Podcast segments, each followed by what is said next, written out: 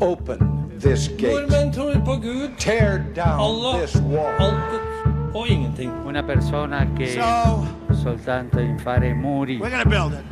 e non fare ponti. Neste stasjon er Drammen. Hei og velkommen til Ypsilon-samtaler, en podkast fra Kirkelig dialogsenter i Drammen.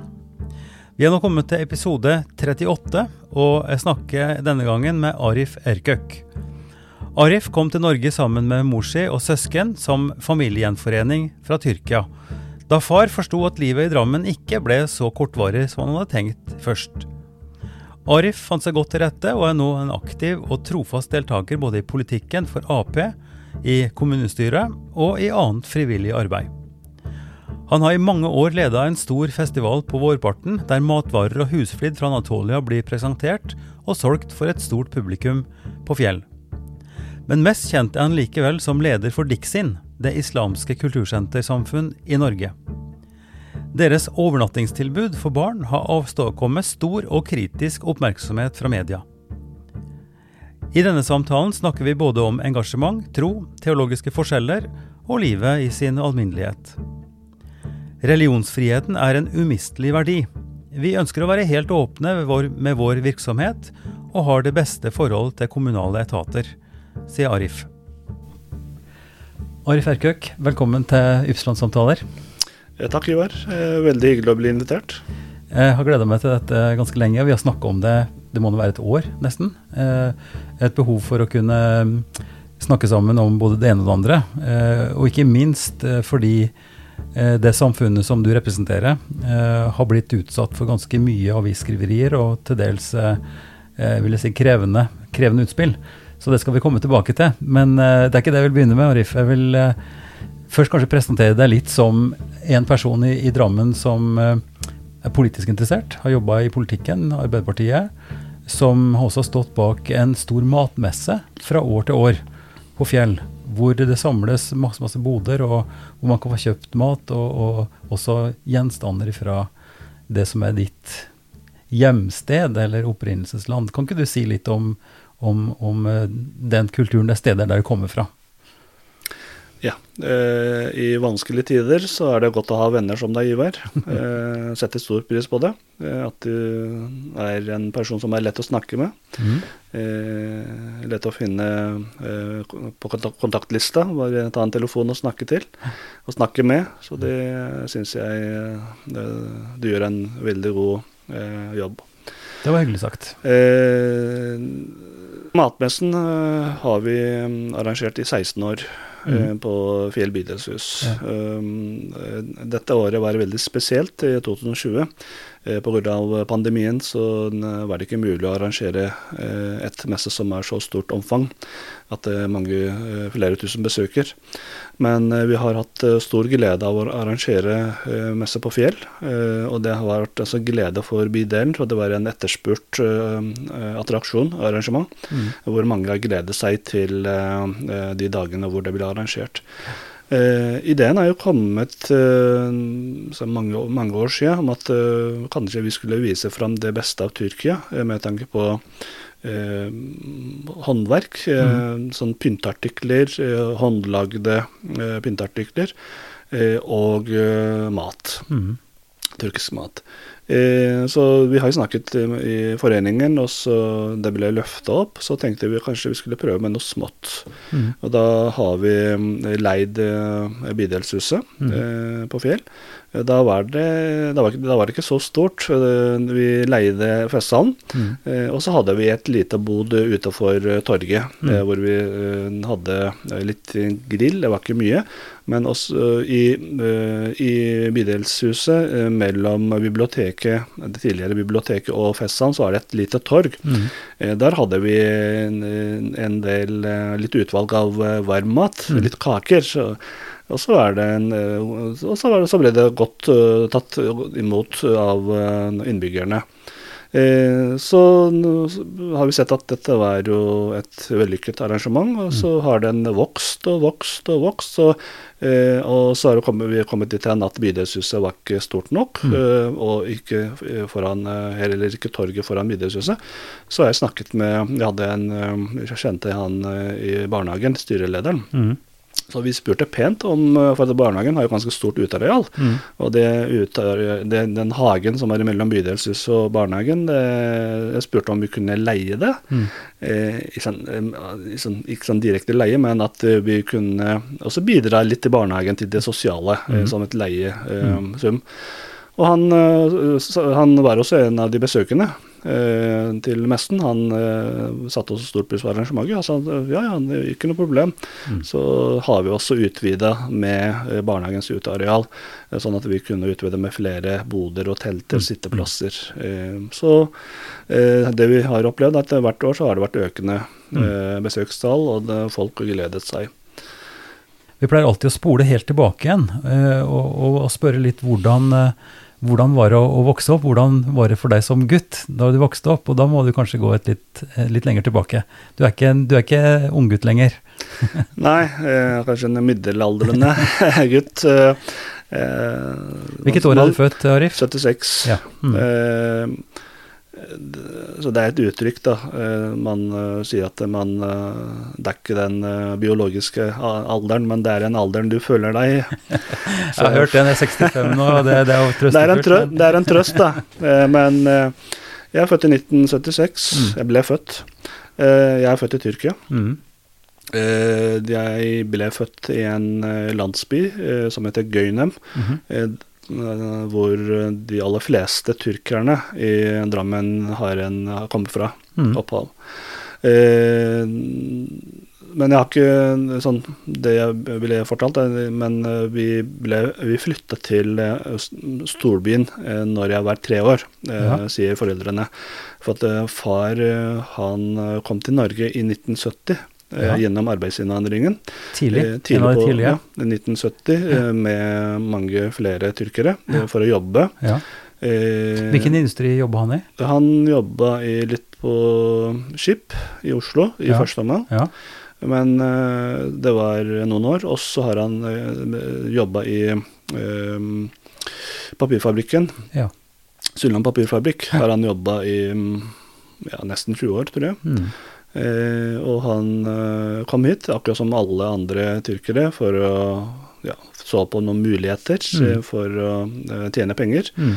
Det, så, det er en sånn kjent fortelling om at de aller fleste tyrkerne som kom til Norge, eller til utlandet, Tyskland, mm. hadde en tanke om at de tjener litt penger og returnerer tilbake. hjem, ja. ja. Eh, men så, som de aller fleste har faren min også returnert til Tyrkia i kiste. Mm. Eh, så han døde for fire år siden, og det var eh, eh, man, Etter hvert så fant man at dette var eh, det landet man skulle bosette seg i. Ja, eh, ja. Og etablere familie ja. og eh, hente familiemedlemmer. Mm. Så det var det han også gjorde. Det, det er jo en, en, en, fortelling som gjelder ganske mange, for vi er jo Mm. stolte i Drammen av å si at, at Drammen kanskje er den norske tyrkiske byen. At det er den byen hvor det er flest med tyrkisk bakgrunn, eh, og at det, det faktisk er 50 år siden. Ja. Eh, den, f- de Det ble feiret i fjor. Ja, ikke sant? Mm. Men uh, Gøynem og storbyen du nevner, hvilken storby flytta dere til? Uh, Det er en uh, liten provins, da. Ja. Det, er ikke, det er ikke en storby. Det er jo like stor som Drammen, med, sånn, med tanke på innbyggertall. Ja. Mm. Det er eh, Beishehir eh, Ja. vi har flytta. For, fordi etter at faren min hadde kommet hit, så har han tjent litt penger Mm. og hadde råd til å bygge et hus i Beishehir. Mm. Så har vi flyttet til storbyen, da, med tanke på en Ja, ja. eh, Storby som Drammen. storby som Drammen. Ja. Så har vi bodd der i mange år, men eh, som sagt, faren min han var i Norge. Mm. Eh, vi var jeg, jeg, broren min, og så en, og en søster, Mm. og så mor. Vi bodde i Tyrkia. Mm. Etter hvert så har far henta broren min, eh, men han hadde, tror jeg han hadde en baktanke om at han skulle returnere, eh, Ja, selv om det var på 80-tallet. Ja. Eh, han prøvde seg eh, Jeg tror det var 1986 eller 87. Eh, han returnerte. Mm. Han sa nei, jeg kommer til å være her i Tyrkia og skal jo eh, fortsette å være her, skal ikke returnere. Mens broren min han var i Norge. Mhm. Eh, Mor protesterte, og nei, sønnen min er i Norge, vi er her, så du har ikke noe fastinntekt. Mm. Han var ikke pensjonert heller. Nei. Eh, og det han hadde spart opp eh, Du må ikke tro at det kommer eh, til å være evig. For det, det, hvis man har, ikke har noe fast inntekt, så Så moren, moren din var Moren min ø- var- økonom, Ja, hun, økonom var, hun tenkte litt mer logisk. Ja, ja. Riktig. Mm. Det så også far etter ett år, tror jeg. Mm. Før det hadde rundet et år, så sa han at ok, for han hadde ikke norsk statsborgerskap heller, så han måtte returnere. Ja.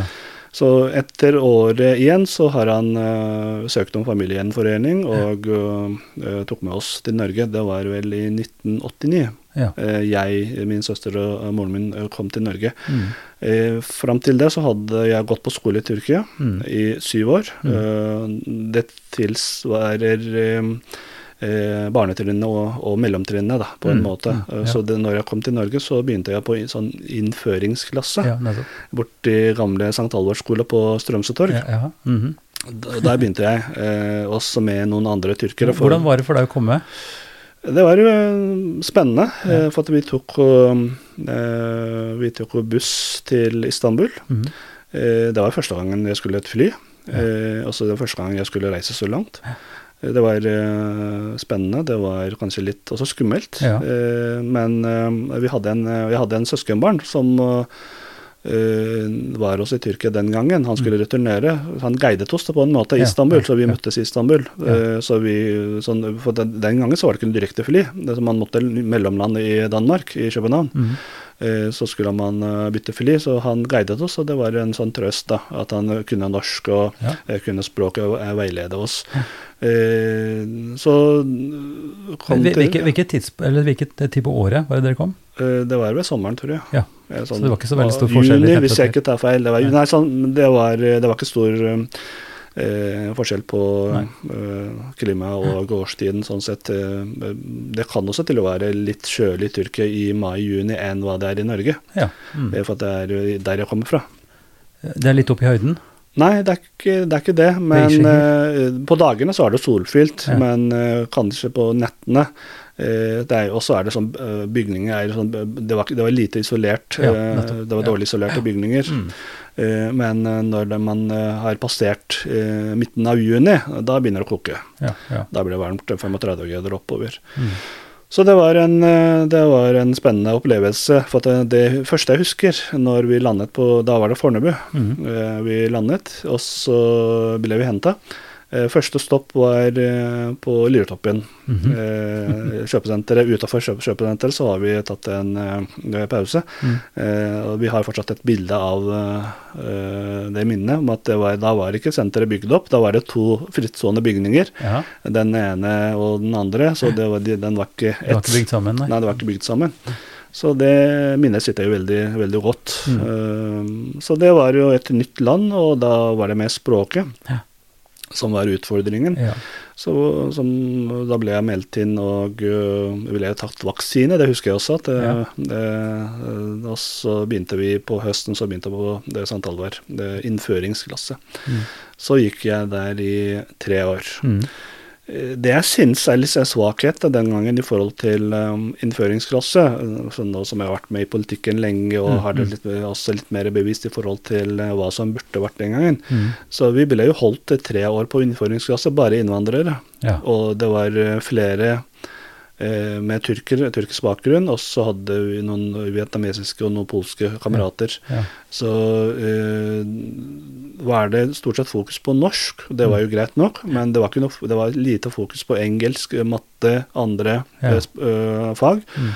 Eh, jeg kunne eh, sett meg at eh, det kommunen gjør nå, da, at Mm. man har eh, minst mulig eh, skal holde, seg minst mulig på innføringsklasse, som Ja. mottaksklasse heter det nå. Kom, komme fortest mulig inn i Komme en, eh, på en ordinær klasse. Ja, ja. Eh, og det er en, eh, det er en fordel for, for den som kommer. Mm. Eh, Det var det jeg syns eh, burde vært eh, annerledes. Det kunne sikkert fått eh, mer, eh, mer nytte å komme i en eh, ordinær Ja. klasse, og da kunne man eh, trent enda bedre på språket, Mm. også i forhold til de andre fagene. For det har jeg merket når jeg eh, søkte inn på videregående, og kom inn, på videregående, at det, er det, det var et stort gap i forhold til Ja.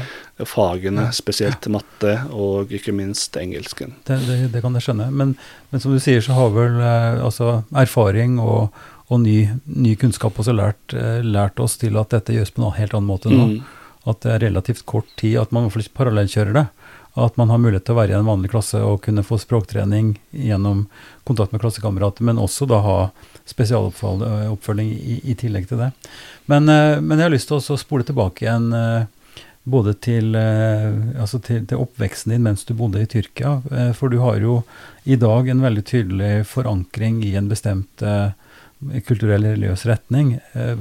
Hvordan var det for, for deg som gutt den gangen? Altså, Hva var tilhørigheten til moskeen eller til på en måte høytidene, det som skjedde av, av markeringer? Hvordan, hva husker du av det, og hvordan var det for deg? Jeg husker i min barndom i Tyrkia var at eh, ja, sånn familien min eh, det, det var eh, en eh, mor eh, og sånn, Også det jeg fikk fortalt om noen mm. far, det var en praktiserende muslim. Mm. At de um, fulgte i forhold til ritualer og i forhold til bønn, har de praktisert. Mm. Eh, og de leste eh, Tror jeg mor eh, leste, klarte å lese Koran etter hvert. Mm. Eh, for det er i forhold til det, sånn, i forhold til det eh, alfabe- alfabetet. Men eh, sånn familien min, eh, mor, bestefar Jeg husker min farfar. Mm. Han, han var en, han var en praktiserende muslim. Mm. For han hadde også vært på pilegrimsreise Mm. tidlig på mm, 60-70-tallet. Hajj. Og han For det som, det som er litt sant til, i forhold til det som er en eh, oppfattes i Tyrkia når eh, de, de fleste tyrkerne reiser til hajj, pilegrimsreise, når man har passert et visst alder. Og man er moden nok. Det er mange som tenker at ok, nå må jeg gjøre det unna det ene eller det Før, andre. før, du, før du dør, liksom? For, ja, jeg må gjøre unna i forhold til å tjene litt penger, etablere familie. Mm. Eh, og så det og den andre. Og så når jeg har passert kanskje 60-65, da er jeg ferdig med alt annet, eh, så drar jeg til hajj og så renser meg Mm. eh, mentalt og i forhold til de gjerningene man har gjort. Eh, så skal man dø i sånn i fred. Det er det, det, ja. man, ja, det er Ja. man tenker. Ja. Eh, Men han reiste eh, tidlig. Han husker han, eh, han han var en veldig god person. Mm. Eh, og min morfar, mine tanter, de var også eh, Jeg kan si at det var en eh, praktiserende folk. Så Mm. jeg har en bevissthet da, i forhold til Mm. eh, islam og i forhold til religion Mm. eh, tidlig eh, i min barndom. Mm. Eh, jeg husker at jeg ble, når jeg var kanskje syv-åtte år, jeg ble sendt til sånn helge, eh, helgeskole Mm. i eh, moskeen som var i nærheten av huset. Ja. i, det var jo i eh, skoleferie, når det var sommerferie. Ja. Mm. Eh, at det var en sånn tradisjon at man eh, sender eh, eh, ungene eh, med noen timers intervaller om at i helgene lørdag og søndag, eller på ukedagene når du er fri, at du går og lærer deg grunnleggende islam i forhold til å eh, lære det ene eller andre.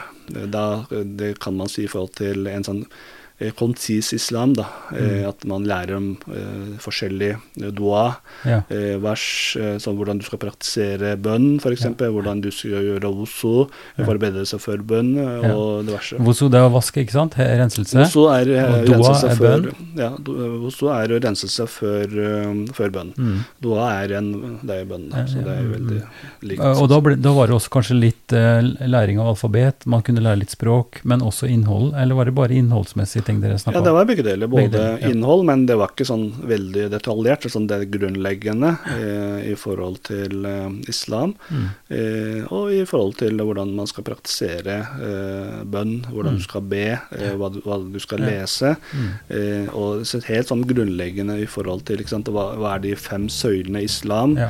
Eh, og ja, hvordan, eh, hvordan de Hva er det som kreves? Altså Krav f.eks. før du skal be. altså Hva er det du skal gjøre? Det er Wosu, der renselse er en ritual. Det kan være også andre ting. Du hører nå på episode nummer 38 av Ypsilon-samtaler. Og i denne episoden snakker jeg med Arif Erkøk. Men eh, altså i, i min oppvekst Nå er jeg nokså mye eldre enn deg, jeg er vel nesten 20 år eldre. Men i, i min oppvekst så var jo kristendomsundervisning som var i Norge, en del av det som skjedde på skolen. Eh, og så var det søndagsskole hvor man kunne gå på, eh, på kanskje en times opplegg eh, på søndager for å, for å høre bibelhistorier og, og synge sanger og, og, lære enkle bønner. Men eh, i, i, Tyrkia så var det vel ingen, det var ingen eh, religionsundervisning på skolen?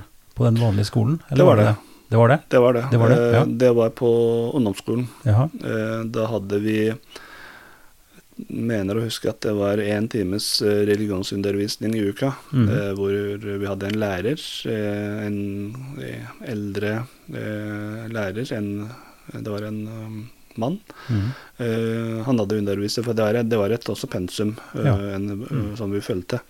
Så eh, det var også litt mer sånn grunnleggende. Det var litt historie, det var Mm. jo litt i forhold til det sånn praktiske islam og diverse. Ja. Men det, den gangen fantes også eh, internater eh, Mm. i Tyrkia, litt sånt eh, private internater, Mm. hvor, man, hvor noen valgte å sende sine barn, Mm. eh, som var kanskje på ungdomsskolealder eller videregående alder. Mm. Eh, de bodde der, overnattet der, og så fulgte de, de skole. Så Mm. de eh, studerte videre eh, Ja. derfra. Men det var ikke så utbredt der jeg var. Det var eh, kanskje litt mer utbredt på storebyene. Eh, for eksempel Konya er en provinshovedstad som Ja. vi tilhører, tilhørte i Tyrkia. Mm. Eh, så der var det eh, noen sånne institusjoner, og ikke minst Istanbul og andre steder. Mm. Eh, En tidligere gjest i, podkasten har jo fortalt ganske mye om det. Eh, i, hennes eh, For henne var det veldig viktig at hun fikk nettopp komme Men det tror jeg var nærmere universitetsalder, eller, eller sen videregående og, og universitet, hvor, hvor det var eh, nettopp internater og, og opplegg rundt eh, som gjorde at hun kunne kvalifisere seg og, og, få hjelp til å ta studier. Eh, dette er jo innafor Hismet-bevegelsen, eh, Mm. som en kunne si mye om, som ikke vi skal si så mye om her. Men, men at den tradisjonen er der, og også finnes i stor grad i, i vår norske historie.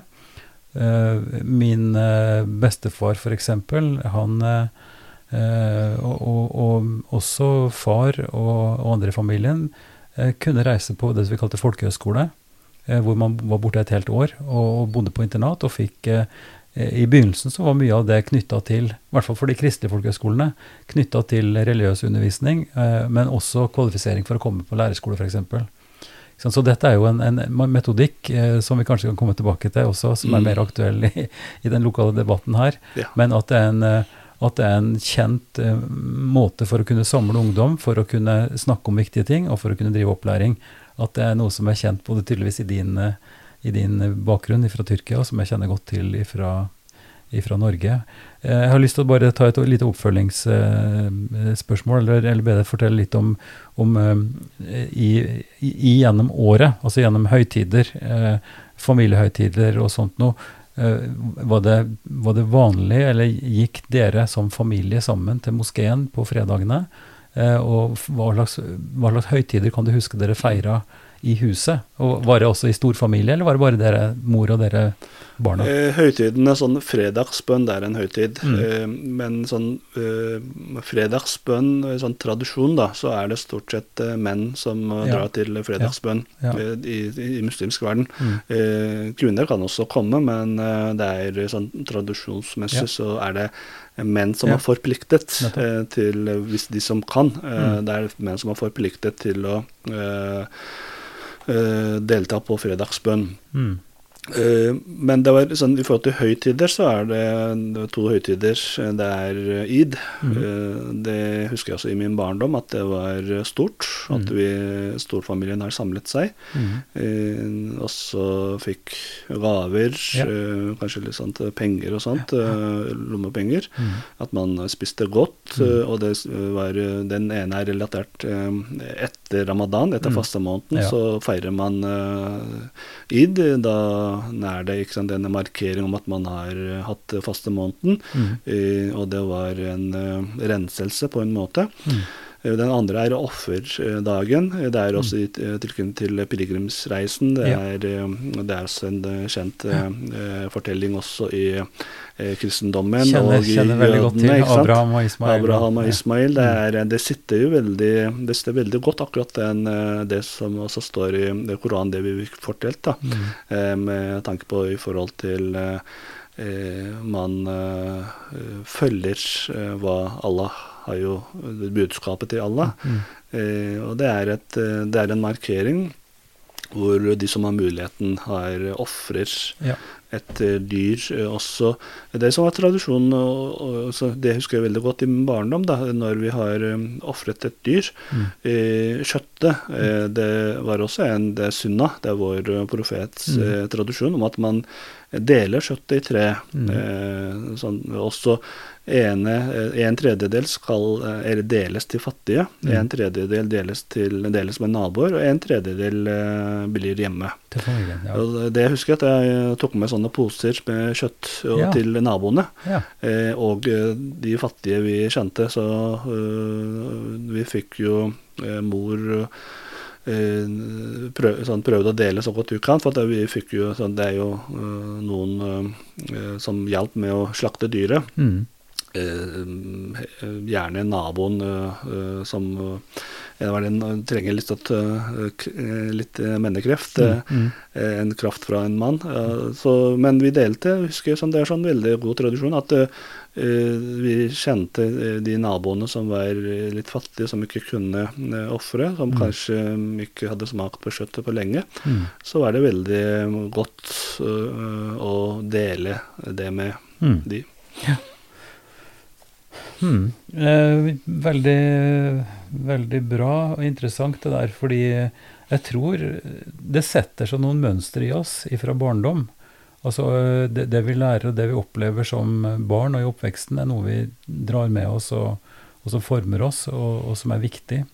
Mm. Og det er også interessant å høre på både likhetspunkter og, og, og hvordan disse forskjellene er fra sted til sted. Mm. Ja, som, som jeg nevnte i stad, sånn, eh, jeg har hatt en bevissthet i forhold til eh, religion eh, tidlig i min barndom. mm, Eh, Og det er jeg takknemlig for, at jeg fikk den bevisstheten. eh, At jeg også fikk den bevisstheten og eh, en eh, lærdom at å, å tilhøre en eh, at, eh, Lære en riktig islam, da. Mm. Og det er også et, eh, et, et interessant og et, et spørsmål som en kunne bruke fryktelig mye tid på, men som ikke vi har naturligvis så mye tid til. Eh, fordi riktig islam og grunnleggende islam, eller riktig kristendom, grunnleggende kristendom, er jo et tema som, som kan dras i forskjellige retninger, og hvor kanskje forskjellige også gjør krav på eh, hva som er riktigst. ikke sant? At man har eh, diskusjoner om, om, om hva dette er. Eh, så kanskje vi skal rett og slett bare fortsette det sporet litt. Om du kunne forklare for meg, og kanskje si litt også generelt om, om den, den tradisjonen som, eh, som du er lært opp i, eh, som, som har noen litt andre forskrifter også enn en andre.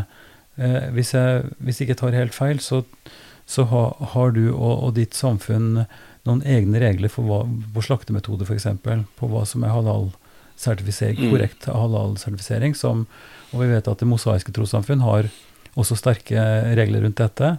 Eh, og det er interessant for meg både som fordi at jeg er religionsinteressert eh, og tradisjonsinteressert, å vite hva som er bakgrunnen for de forskjellene. Så jeg vet ikke, uten at vi skal gå veldig dypt i det, eh, kan du bekrefte at det er sånn, og i tilfelle hvordan dere ordner det rundt, rundt matforskrifter, rett og slett? eh, I forhold til halalkjøtt, eh, så eh, er det riktig det du sier, at eh, vi har litt annen eh, praksis.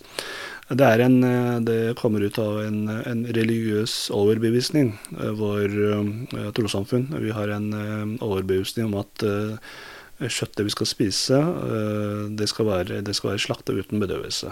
Mm. Det er i forhold til å utelukke all eh, hva skal jeg si eh, Det er forhold til under en eh, slakteprosedyre, Mm. eh, og hvor eh, dyret får en støt, om Mm. elektrisk støt hva annet. Mm. Og i mellomtida eh, så kan det være fare for at eh, eh, dyret kan ha vært død. Mm. Eh, Da er det en fare for at det ikke er rent nok, selv om eh, det er en muslim som eh, slakter den Mm. etterpå. Mm. Eh, For å være 100% sikker på at eh, det er gjennomført riktig. Mm. Eh, Og det er også en grunnleggende regel, forutsetning i islam om at dyr skal slaktes, og hovedregelen er at den skal slaktes uten bedøvelse. Mm. Eh, Det er noen eh, religiøse trossamfunn, muslimske trossamfunn som aksepterer at det kan eh, slaktes uten bedøvelse så lenge det er en muslim som slakter det. Mm. Eh, Men vi, tar ikke, vi ønsker ikke ta noe risiko. Eh, Mm. Det er også veldig aktuelt, eh, spesielt eh, når det er fjærfe, mm. når det er skilling. Eh, For at de er, det er følsomme dyr. Mm. Eh, Hvis de får et eh, elektrisk støt, eh, så er faren for at eh, de dør før de rekker eh, slakt, Mm. eh, det er høyere. For det har også Islamsk råd akseptert og uh, un, uh, ja, beklaget for at de hadde gitt aksept for det. eh, Og det var, de hadde samarbeid med folk Nortura på Mm. dette området. Mm. Eh, Det kan jo komme en eh, risiko på at eh, kanskje 2-3 av eh, kyllingene kan ha vært død før, de, Mm. før de, man eh, muslimske slakterne rekker å eh, slakte det. Mm. Og det er en, det ser vi som et ansvar som trossamfunn om at eh, eh, vi kan ikke eh, ta noe risiko på dette. Mm. eh, Mm. og det er en, som sagt, fordi det er en hovedregel om at det skal slaktes uten bedøvelse. Eh, Det som er, det, jeg, Nå er jeg ikke en sånn teolog, men det jeg vet, er at eh, slaktemetode, eh, litt forskjellige slaktemetoder, f.eks. under jakt, Mm. eh, så kan du eh, sånn eh, når man er eh, Man kan jo, når man er skytener, Mm. eh, det kan være en eh, F.eks. en elg Mm. eh, han, eh, som har tatt det. En, eh, og da kan det hende at dyret er, er død før du rekker å ta strupen. Mm. Det er eh, mulig, fordi jakt har jo vært en tradisjon i flere tusen år, Mm. og også i islamsk tid. Mm. Eh, Men hvis det er en eh, muslim som skyter på dyra, Mm. Og det kan være en 1 km unna eller 500 meter, det kan, Mm. tidligere så kan det være 300 meter, Mm. og da, kan, da er det stor sannsynlighet for at uh, dyret er død eh, før man finner det, for det kan være Før man får tømt blodet, ikke sant? ja, og da kan, da er, da kan man eh, da, da kommer man bort til uh, byttet, og eh, og så slakter etterpå, selv om det er død. Mm. Det er mange som henter en fetwa fra ut fra akkurat den praksisen, og Ja. litt forskjellig. Ja. Eh, Men eh, det er to vidt forskjellige ting, men eh, vår overbevisning har jo eh, det er mer ja, Vi er litt mer streng akkurat på den måten. der. Mm. Men det er, en, det, er en, det er en anbefaling fra vårt trossamfunn. Mm. Så det er jo opp til medlemmene hva de følger. Sånn Ja, ja, ja. Men som for å for å, eh, for å gjøre det mulig for at våre medlemmer kan skaffe det kjøttet. For at eh, kjøtt som er slaktet uten bedøvelse, eh, det er ikke mulig å skaffe i Norge. Nei. Det er jo fått til forskriftene ja. til slakt. Mm. Eh, vår eh, menighet i Drammen eh, har, opp, eh, stif, eh, har eh, etablert et eh, eh, selskap, Mm. et AS, Mm. eh, heter Tuna Norway. Mm. De importerer kjøtt fra utlandet, mm. slaktet uten bedøvelse. Mm. Eh, våre medlemmer har muligheten til å handle eh, kjøtt og kjøttprodukter fra Tuna Narvøy. Ja. Eh, på lik linje med Det mosaiske trossamfunnet Ja, har også ja. et, eh, eh, et eh, De har et, en forretning også i Oslo, Ja, hvor de har Korsers-produkter. Ja. Mm. Nei, jeg- det, altså, det var derfor jeg tok den sammenligningen, for jeg vet at, eh, at når du har veldig spesifikke regler og, og, og sterke, sterke anbefalinger, eller, eller pålegg som er religiøst betinga, så, så fins det flere eksempler på det. Men, men det er altså ut ifra ut ifra det som er min interesse, og, og som, som dialogmenneske, og i, i det som du sier, interessert i, i andres eh, eh, overbevisning, andres tro, andres praksis, eh, og kjenner min egen kristne praksis ganske godt, og tradisjonene rundt det, eh, så, så ligger det en, en veldig interessant dynamikk som du har erfart mye av, og som, som din, eh, din forening har erfart mye av, nemlig en eh, Og som ikke minst eh, jødene, det mosaiske trossamfunn, stadig vekk opplever. Ikke sant? At den spesifikke kulturidentiteten og tradisjonen blir utsatt for mistenksomhet Mm. og for kritikk fordi det er forskjellig fra det som er mainstream. Um, og, og, og i det ligger det både tenker jeg, et sånn pedagogisk og et praktisk eh, eh, Om ikke et problem, så i hvert fall en utfordring i hvordan man lærer dette til sine egne, hvordan man praktiserer det, og hvordan man praktiserer kontakten med de som tenker annerledes. Dialogen kan bare oppstå når man har forskjellige syn. Og dialogen er interessant når man har forskjellige syn, og aksepterer hverandre. Eh, snakker med hverandre med respekt og forstår hverandre så godt som mulig. Eh, så, så det som jeg kunne tenkt meg å, å gå litt videre på nå, eh, er jo om eh, hvordan dette eh, oppfattes av dine medlemmer. Eller i, kanskje vi skal si litt om rent praktisk. altså Det islamske kultursenter er jo eh, foreningen lokalt her i Drammen. Trossamfunn. Det er trossamfunnet, ja, ikke sant? Det er ikke forening, men trossamfunn. Ja. Menigheter. Men altså, det kalles Det islamske kultursenter. Eh, de islamske kultursentrene i forskjellige byer. Men jeg kan si litt, litt mer overordnet i Ja, forhold for til det- eh, det- den organiseringen vi har. Ja, for, Forkortelsen er Dixien, ikke sant? Så det er Det islamske kultursentersamfunn i Norge. Det islamske kultursentersamfunn i Norge det er paraplyorganisasjon for uh, våre trossamfunn, Ja. hvor jeg er eh, leder. Ja. Uh, det er en uh, paraplyorganisasjon som har en litt mer overordnet ansvar for å følge opp våre trossamfunn i forhold til det praktiske, mm. det organisatoriske. Mm. Det er og så har vi eh, lokale trossamfunn, eh, Mhm. menigheter, eh, som er registrert i eh, Fylkesmann som trossamfunn. Mm. Eh, vi har jo eh, seks forskjellige byer, så har Ja. vi seks menigheter, trossamfunn. Mm. Drammen, eh, Oslo, eh, Nedreiker, Ja. eh, Stavanger, Grenland og Moss. Mhm. Det er de lokale trossamfunnene som er egne juridiske enheter. Mhm. Eh, og eh, totalt sett så har eh, ut fra eh, fylkesmann medlemsregisteret så har vi ca. 3750 medlemmer. Det var det Ja. siste registrerte medlemstallet på de menighetene. Mm. Eh, de har egne styrer. Mm. eh, har egne budsjetter. eh, mens eh, Dixien som paraplyorganisasjon er ikke et trossamfunn, det er ikke registrert trossamfunn. Eh, Det er en eh, forening, det kan du si. En koordinerende enhet. Koordinerende enhet, eh, hvor vi eh, har en koordinerende ansvar for de menighetene. Eh, Vi, ut fra vedtektene så utnevner vi styrene til lokale menigheter. Eh, Vi følger opp i forhold til f.eks. det med halalkjøtt, Mm. i forhold til den jobben der. Eh, Vi følger opp i forhold til f.eks. For Eh, pilegrimsreise, muligheter for at det er pilegrimsreise når man skal til, dra til hajj. Mm. Så er det en kvotebasert. Så man må jo ha en kvote, eh, ha en eh, lisens eh, for at du Du må jo ha et, eh, et, eh, opp, danne et rei- reisebyrå på en måte. Ja, fordi Og- det er slik at, eh, at myndighetene i Saudi-Arabia de, De de, porsjonerer ut og setter kvoter Ja, for på land. det er jo, ikke sant, I verden så er det et par milliarder muslimer, og det er mange som reiser, ønsker Ja. å reise til hajj. Ja, ja, Eh, og hvert år så pleier det å være ca. fem millioner mennesker som besøker eh, Mekke og Medina Mm. og skal utføre sin eh, plikt. Eh, for å begrense det, sånn at det ikke blir kaos, eh, Mm. så har de satt en kvote, en Mm, begrensning på at ja.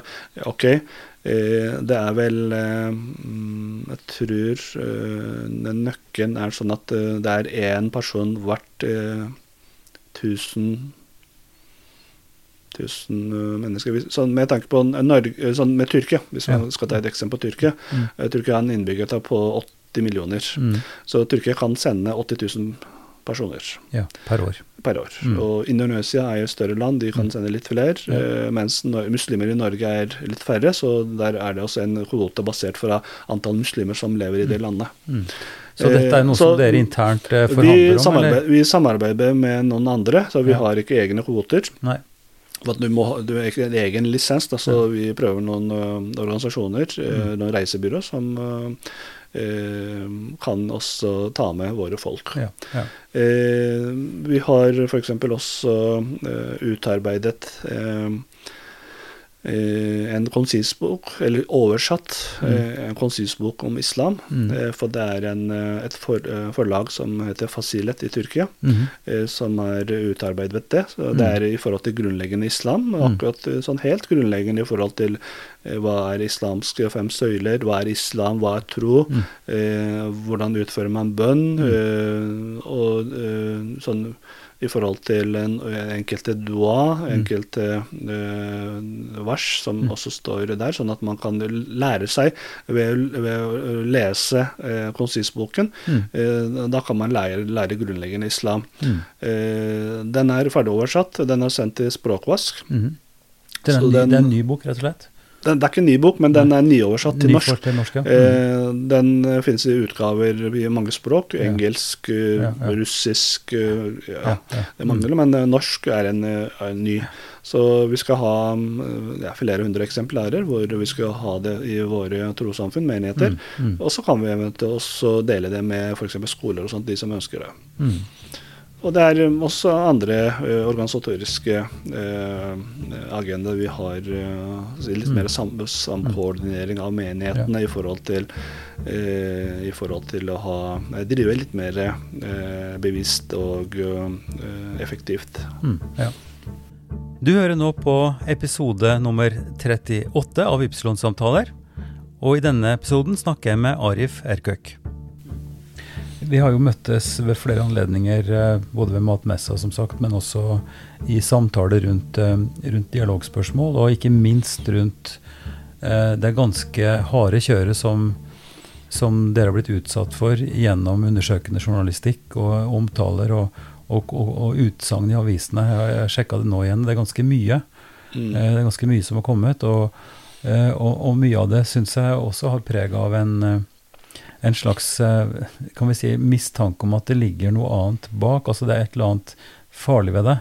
Eh, argumentet som ofte blir brukt, er at, eh, at en gjennom virksomheten i, i moskeen og tilbudet om overnatting på en måte tar ungdommer vekk ifra et fellesskap. Ikke sant? At man, at man på en måte begrenser eh, utvekslingen og sånt nå. Og dette har du svart på i veldig mange sammenhenger, så vi skal ikke gå inn i det nå. Men, men hvordan opplever du, og dere, eh, den, skal vi si, den, det kjøret som det må ha vært og er? Jeg vet ikke, Det, det, det var jo også et, eh, et forslag, politisk forslag eh, om at, at en skulle forby Mm. eh, virksomheten. Det har jeg ikke sett noe mer om i det siste. Men kan du ikke si litt om det, litt mer, litt mer overordna? Vi skal ikke detaljere inn i det, men, men følelsen av å bli på en måte pressa her, eh, si litt om det. Ja, eh, Hvis jeg skal eh, si noe om i forhold til eh, et forbud mot overnatting. Det, det er et stortingsflertall som har vedtatt en et anmodning til regjeringen om å komme tilbake til Stortinget innen våren 2021.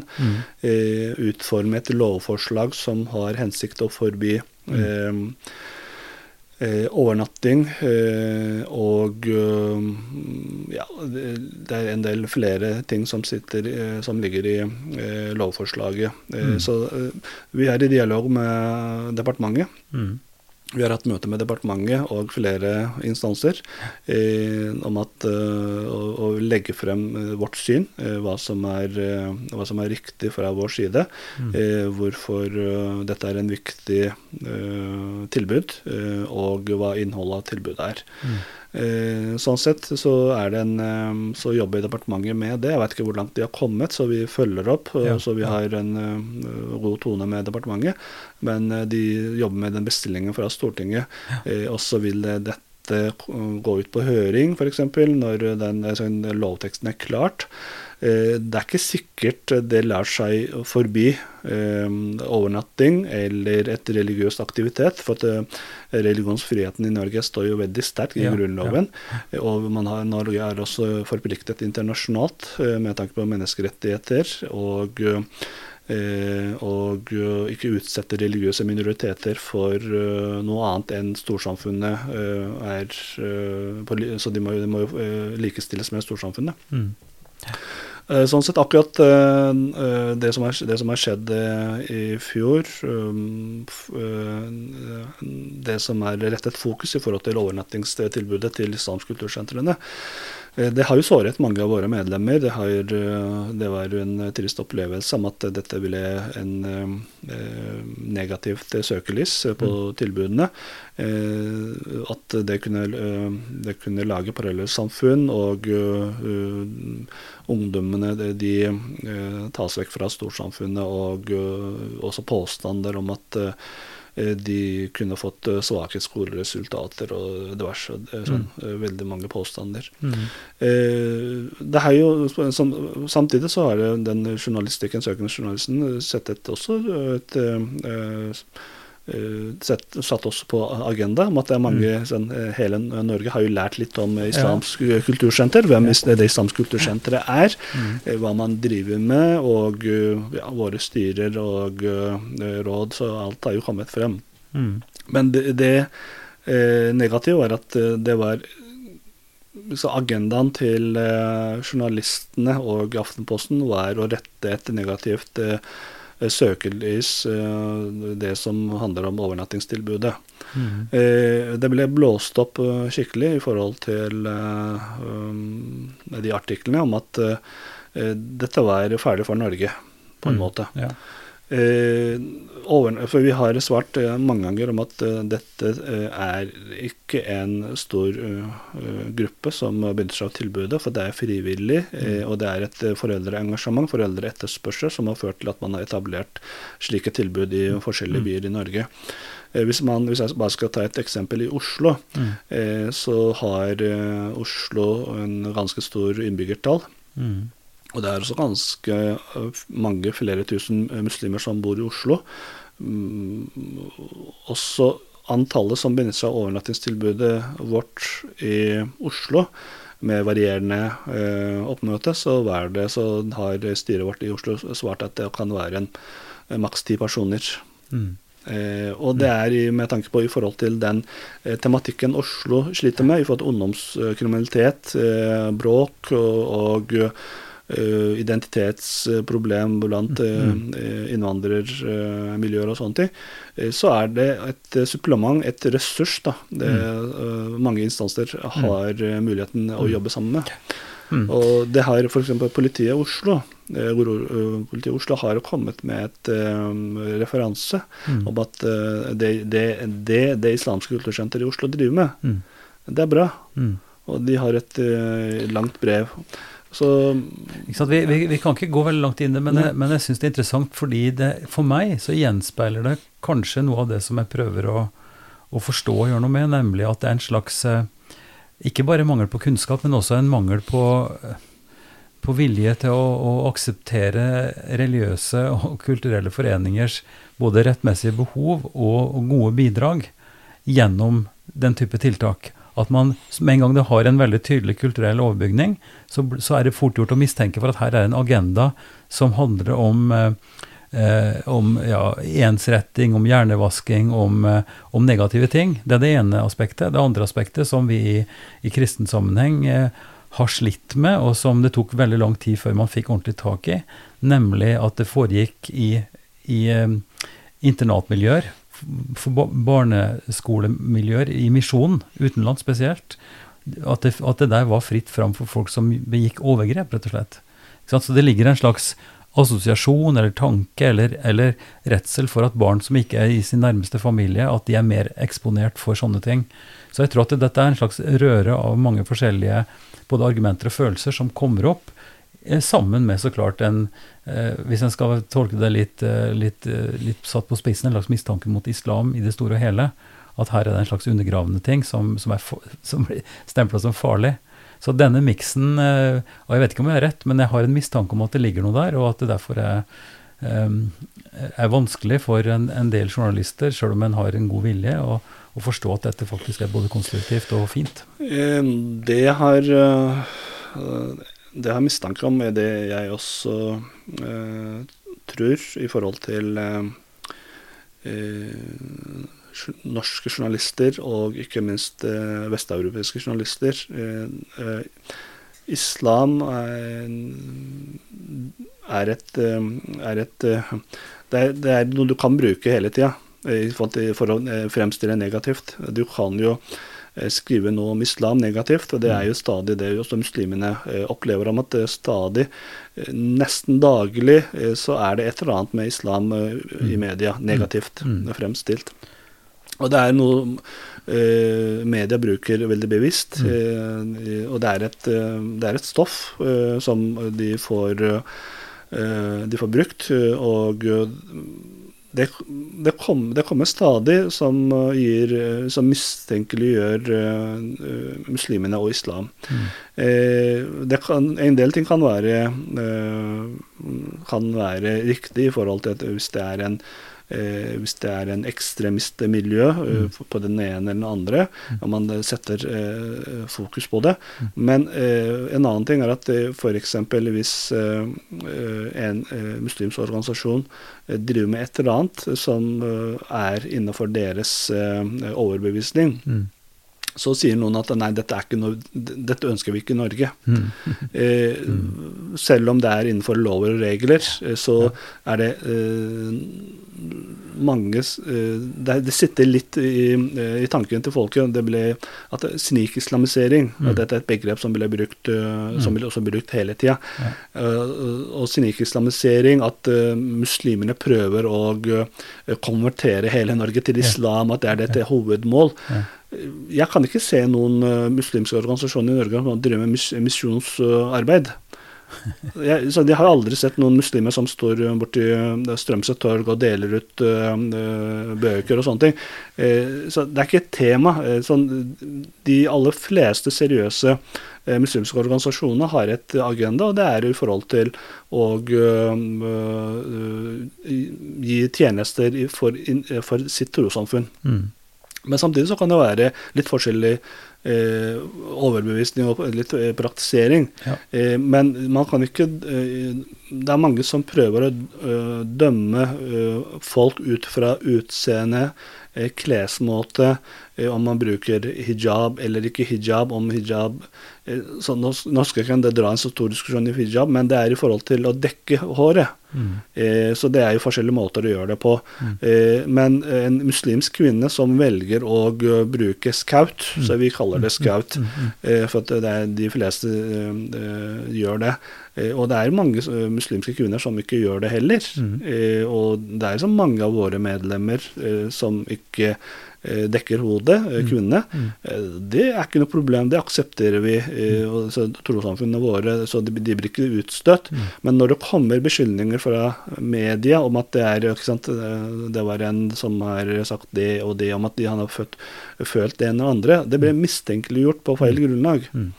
Ja, det, dette kunne vi også snakke mye om, men altså, en time går fryktelig fort, Ja, det Arif. det. Det er helt utrolig. Men eh, i, mens vi sitter her og snakker i dag, så er vi jo i en helt særlig grad eh, berørt av hvor ille det kan gå.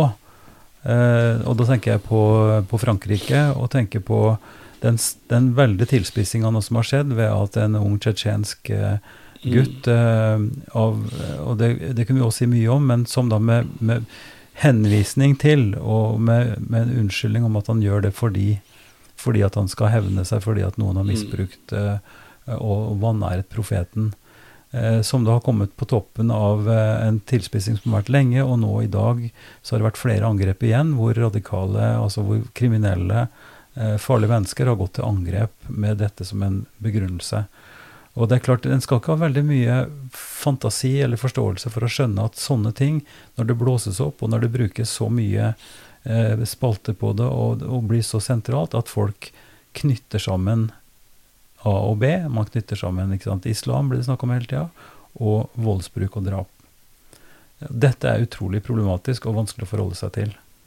Um, og jeg lurer på, og dette har også blitt storpolitikk, og jeg tenker også at det har slike politiske overtoner i, nå i retorikken som er mellom Erdogan for og, og Macron. Eh, For deg som har tyrkisk bakgrunn, og som kjenner det tyrkiske miljøet godt, eh, hva, eh, hvordan tenker du at man kan forholde seg til noe sånt? Eh, Jeg vil jo eh, først og fremst eh, fordømme eh, de eh, angrepene som har skjedd i Frankrike. Og dette er jo veldig triste eh, eh, hendelser som har skjedd, og det er ikke noe det er ikke akseptabelt i det hele tatt eh, som, som et muslim eh, at eh, noen eh, går strupen på den andre. Eh, For det, er ikke, det er ikke islamsk lære. Eh, Og det er, eh, men det finnes, eh, dessverre så finnes det ekstremiste eh, personer. eh, Radikale, eh, radikale personer.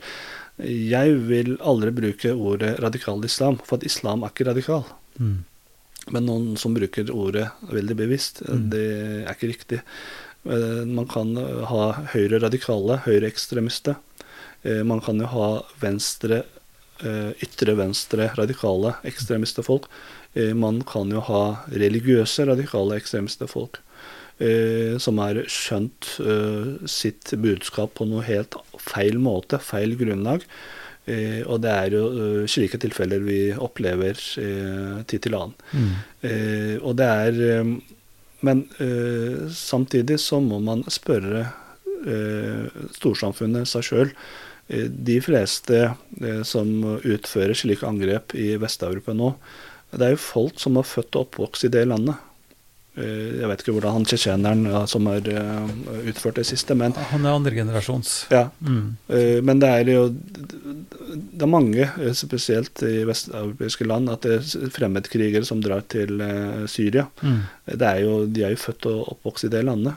Hva har samfunnet gjort feil? Hva har myndighetene gjort feil for at de personene har havnet i feil miljøer?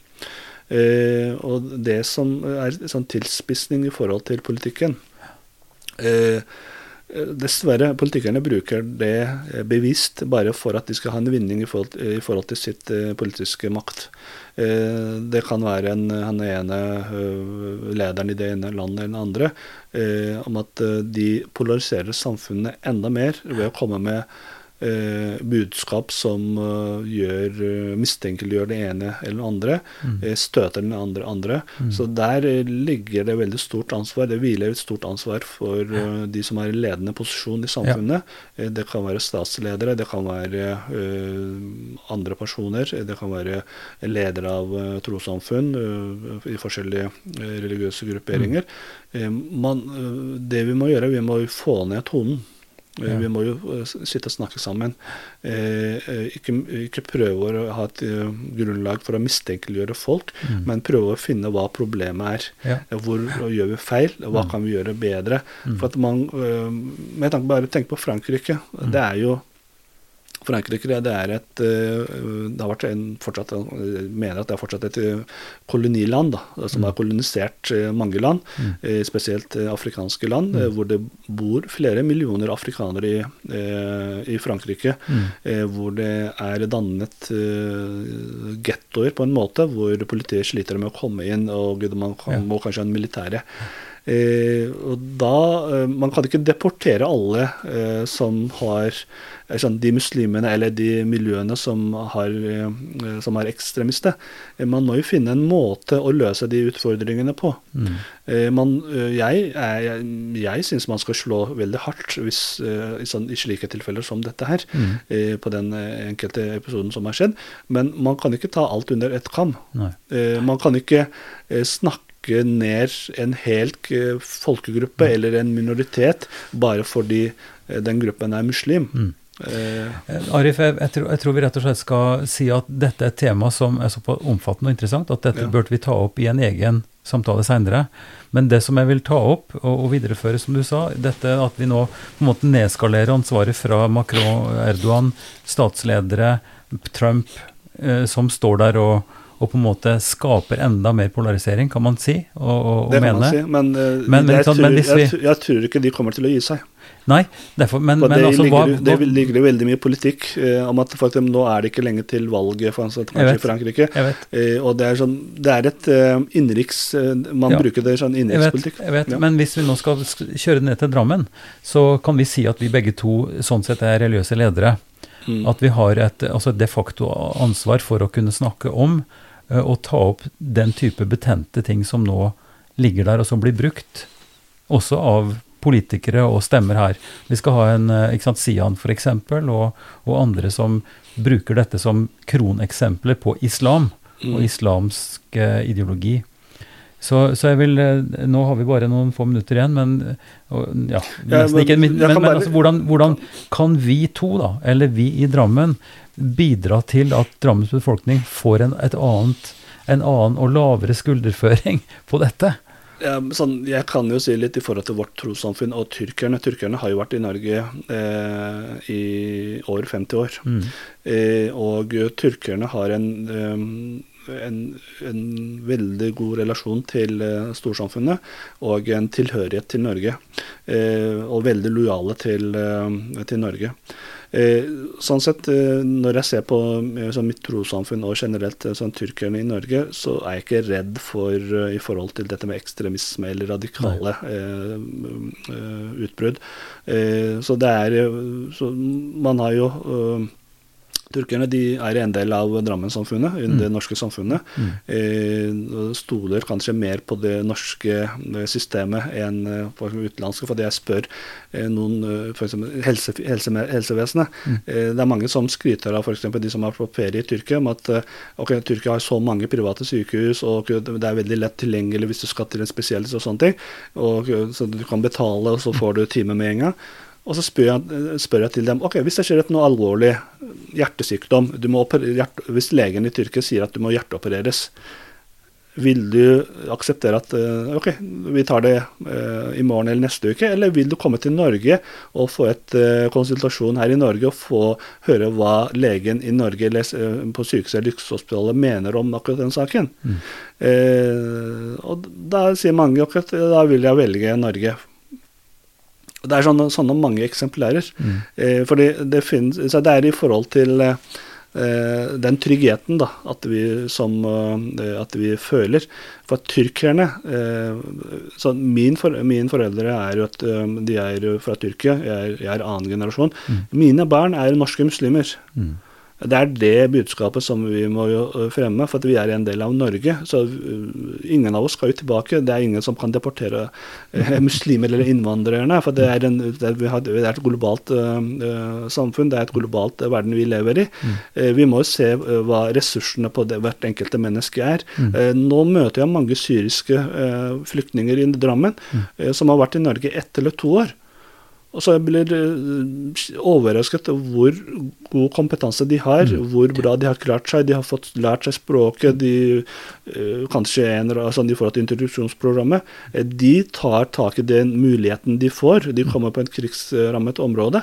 Uh, Og vi trenger jo arbeidskraft, vi trenger ressurser i Norge. Vi har en eldrende samfunn, mm. hvor, vi, hvor vi får flere pensjonister, eh, hvor vi trenger eh, folk til helsevesenet i forhold til eh, andre institusjoner i andre sektorer.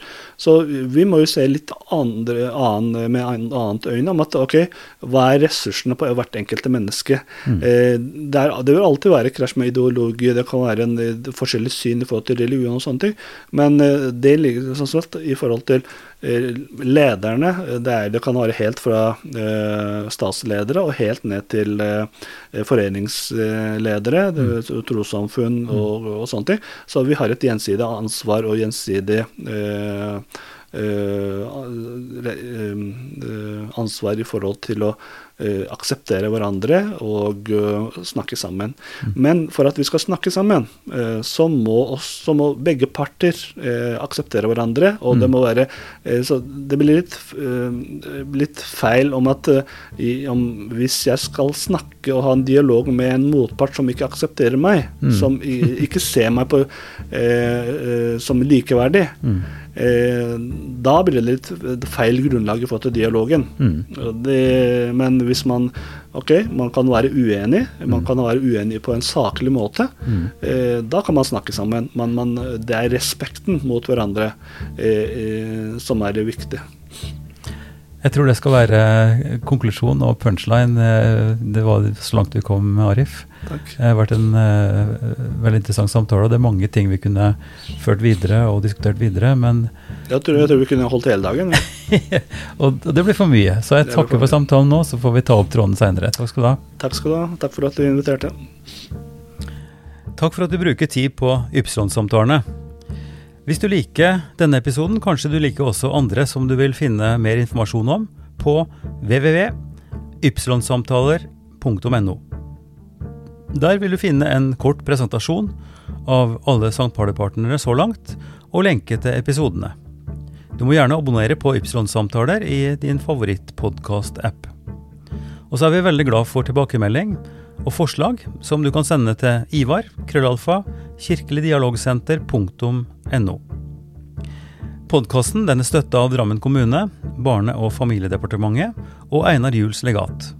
Ansvarlig utgiver er Kirkelig dialogsenter Drammen ved daglig leder Ivar Flaten.